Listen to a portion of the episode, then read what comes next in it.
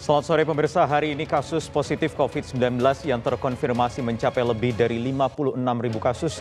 Sementara secara kumulatif, angka kematian di Indonesia mencapai lebih dari 70 ribu kasus. Pemerintah mengklaim lonjakan kasus diakibatkan varian Delta. Sementara epidemiolog ada yang menduga bisa saja muncul varian baru versi Indonesia. Saya Wahyu Wiwoho, pemirsa Anda menyaksikan Prime Time News. Kita awali informasi pertama dalam Prime Flash. Mantan Menteri Kelautan dan Perikanan Edi Prabowo difonis lima tahun penjara dan denda 400 juta rupiah subsidi dari enam bulan kurungan. Edi terbukti bersalah menerima uang suap yang totalnya mencapai 25,7 miliar rupiah dari pengusaha eksportir benih lobster atau benur. Menurut hakim, suap untuk Edi diberikan melalui sejumlah anak buahnya. Dana korupsi yang dilakukan Badan Pengawas Obat dan Makanan resmi memberikan izin penggunaan darurat atau Emergency Use Authorization untuk vaksin Pfizer. Vaksin buatan Amerika Serikat ini disebut memiliki efikasi sebesar 95,5 bahkan hingga 100 persen. Kepala Badan POM, Penny Lukito mengatakan vaksin ini digunakan dengan indikasi pencegahan COVID-19 mulai dari usia 12 tahun ke atas. Diberikan secara injeksi dengan dua kali penyuntikan dalam rentan waktu tiga minggu. Indonesia uh, uh, ini adalah juga merespon Gudang penyimpanan bahan bakar solar di wilayah Teluk Betung Timur, Bandar Lampung terbakar. Api yang cepat membesar menyebabkan satu rumah dan bengkel motor ikut terbakar. Dalam video yang diambil oleh warga tampak warga di sekitar panik dan mengamankan barang-barang dari dalam rumah mereka. Belum bisa dipastikan apa penyebab kebakaran karena aktivitas di gudang tersebut selalu tertutup.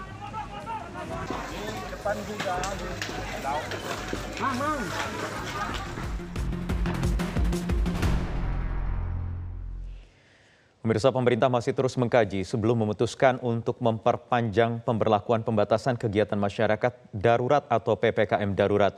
Dalam pengambilan keputusan, pemerintah tidak sembarangan dan tetap mempertimbangkan berbagai macam hal.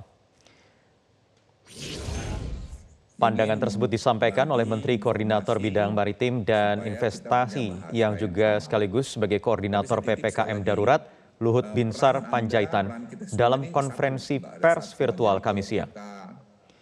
Luhut mengatakan salah satu yang menjadi perhatian sebelum memutuskan memperpanjang PPKM Darurat adalah masalah ekonomi Luhut tak ingin memperpan Luhut tak ingin perpanjangan PPKM darurat ini membuat ekonomi Indonesia semakin memburuk. Koordinator PPKM darurat untuk wilayah Jawa Bali ini juga mengaku dirinya telah meminta telah diminta Presiden Joko Widodo untuk melakukan evaluasi. Ia akan segera menemui kepala negara untuk memberikan evaluasi serta menentukan langkah apa yang akan ditempuh selanjutnya. Uh, ini tentu kita amati dengan cermat. Kami ada tim juga yang mengamati uh, sampai berapa jauh kita boleh pergi. Istilah saya itu uh, kalau kita membengkokkan sesuatu mesti ada batasnya. Kalau bengkok terus ya patah.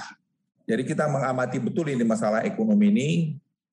Jangan sampai kelamaan juga malam buat mati. Kasus beroket ini sudah kita duga juga akan terjadi, mungkin terjadi, tapi tidak kita duga terus terang secepat ini tapi balik-balik karena pemahaman kita mengenai delta varian ini juga banyak yang tak, tahu yang tidak paham betul.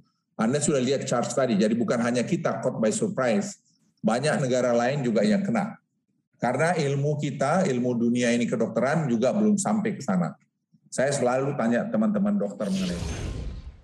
Ya, Luhut Panjaitan juga meminta agar masalah kemanusiaan tidak dipolitisasi. Ia menyebut seluruh pihak telah bekerja keras dalam penanganan COVID-19 di tanah air.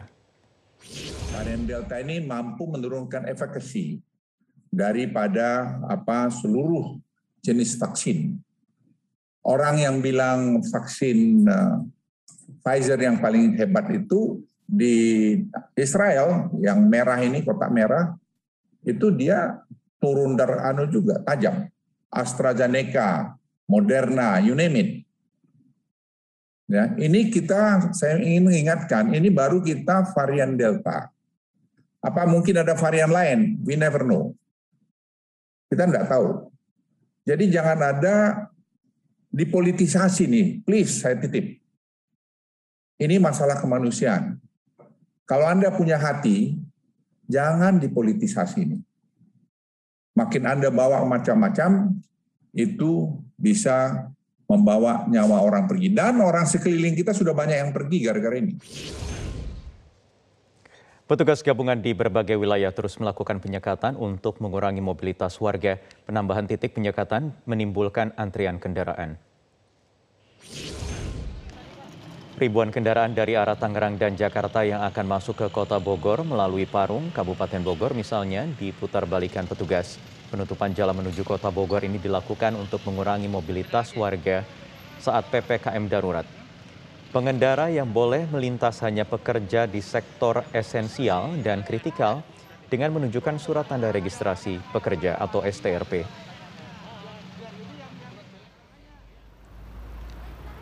Sementara itu, petugas gabungan di ruas tol Bekasi Barat melakukan pemeriksaan kendaraan yang hendak menuju Jakarta. Kendaraan di luar sektor esensial dan kritikal diputar balikan Tepat pukul 10 pagi, seluruh akses gerbang tol menuju Jakarta ditutup. Barrier atau pembatas akan dibuka saat kendaraan dalam kondisi darurat seperti nakes, ambulans, pemadam kebakaran hendak melintas. Tol Bekasi Barat menjadi salah satu titik tambahan penyekatan dalam rangka menekan mobilitas warga.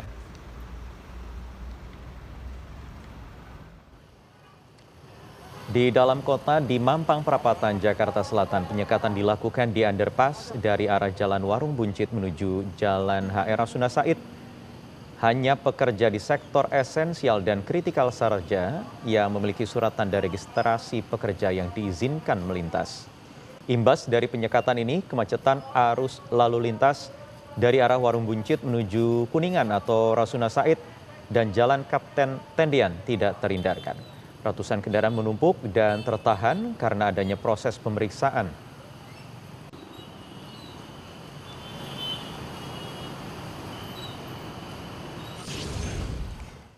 Ya, mulai hari ini ruas jalan di lampu merah Jalan Fatmawati Jakarta Selatan disekat selama PPKM darurat kendaraan yang boleh melintas hanya tenaga kesehatan dan situasi gawat darurat saja. Informasi selengkapnya akan disampaikan oleh Febrian Ahmad dari pos penyekatan di lampu merah di Jalan Fatmawati, Jakarta Selatan. Febrian, apakah terjadi kepadatan arus lalu lintas di sore hari ini di sana? Wahyu kami memantau dikarenakan ini adalah jam pulang kantor dan juga lokasinya berada tepat di tengah lampu merah maka terjadi sejumlah kepadatan namun kepadatannya masih cenderung kondusif dan juga ramai lancar tidak menimbulkan kemacetan yang begitu signifikan. Sementara itu untuk ruas jalan yang ditutup adalah ruas jalan Fatmawati yang akan menuju ke arah Cipete ataupun ke arah Blok M sehingga yang boleh melintasi ruas jalan tersebut hanyalah tenaga kesehatan dan juga keadaan darurat. Kita bisa melihat bahwa saat ini pun ruas jalannya sudah kosong dikarenakan pengetatan ataupun penyekatan juga sudah dilakukan termasuk bagi mereka yang mengaku memiliki STRP dan juga bisa melampiaskan STRP juga tidak diperbolehkan untuk melintasi ruas jalan Fatmawati yang akan menuju ke Blok M ini. Dan bagi kendaraan yang berasal dari arah Pondok Labu dan juga berasal dari arah Lebak Bulus juga tidak diperbolehkan untuk melintas terkecuali tenaga kesehatan dan juga dalam keadaan darurat seperti yang membawa uh, logistik dan juga yang membawa uh, sejumlah alat kesehatan. Dikarenakan lokasi ini juga dekat dengan rumah sakit Fatmawati. Adapun untuk jamnya ini juga diatur oleh Dirlantas um, Polda Metro Jaya. Dikatakan bahwa untuk penyekatan seperti ini akan dilakukan setiap hari yakni pada pukul 10 pagi sampai dengan 22 uh, waktu Indonesia bagian Barat. Dan untuk kendaraan bagi di kantor sektor esensial dan juga kritikal mereka hanya diperbolehkan untuk melintas pada pukul 6 pagi sampai dengan pukul 10 pagi saja sehingga diasumsikan di luar jam tersebut bukanlah jam kantor bagi esensial dan juga kritikal sehingga untuk kawasan ruas jalan Fatmawati yang akan menuju ke Blok M yang ditutup mulai dari lampu merah Fatmawati ini merupakan ruas jalan yang sudah dilakukan penyekatan mulai hari ini dan juga hanya tenaga kesehatan yang diperbolehkan untuk melintasi ruas jalan tersebut.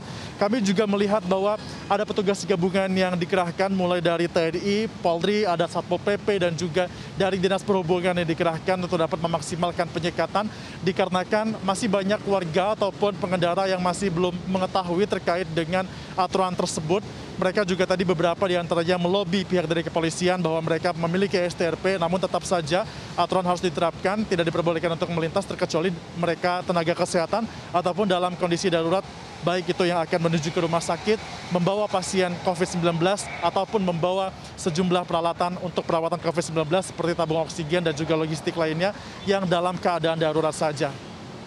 Wahyu. Baik, Febrian Ahmad melaporkan langsung dari kawasan Fatmawati di Jakarta Selatan.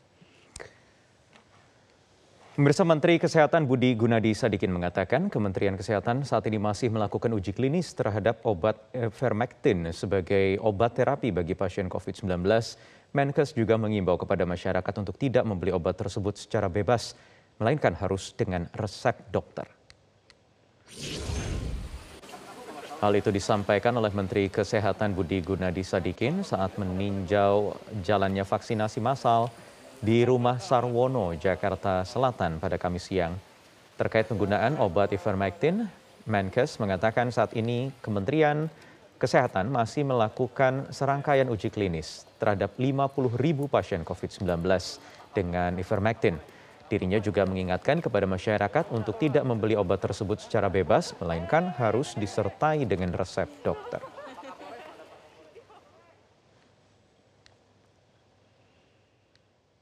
Sementara itu Badan POM merilis delapan obat yang mendapatkan izin penggunaan darurat atau emergency use authorization dalam penanganan terapi pasien COVID-19. Keputusan itu tertuang dalam salinan surat edaran tentang pelaksanaan distribusi obat dengan persetujuan penggunaan darurat atau emergency use authorization. Delapan jenis obat tersebut adalah remdesivir, favipiravir, oseltamivir, imunoglobulin, ivermectin, tocilizumab, azitromycin, dan juga dexamethasone. BPOM juga telah menetapkan aturan baru terkait pendistribusian obat terapi COVID-19 yang memiliki izin edar itu. Hal tersebut bertujuan untuk mencegah kelangkaan atau penimbunan obat seiring dengan lonjakan kasus COVID-19 di tanah air. Yang penting buat kami adalah teman-teman memahami obat-obatan ini adalah obat-obatan yang harus digunakan oleh resep dokter. Jadi selama dia diguna, diberikan oleh dokter ke pasiennya dan pasiennya merasa nyaman, nggak masalah tapi sebagai apa, sistem struktur kesehatan, semua kesehatan yang keluar dari pemerintah itu memang harus melakukan uji klinis. Nah, uji klinis ivermectin sekarang sudah kita sedang mulai ke 50 ribu pasien yang ada di Wisma Atlet, di rumah sakit-rumah sakit. Ya kalau ini uji klinis ini nanti selesai, kita harapkan segera, kemudian itu bisa menjadi satu uh, obat yang masuk ke Indonesia. Polres Metro Jakarta Pusat membongkar praktik permainan harga tabung oksigen dan regulator yang dijual melebihi harga eceran tertinggi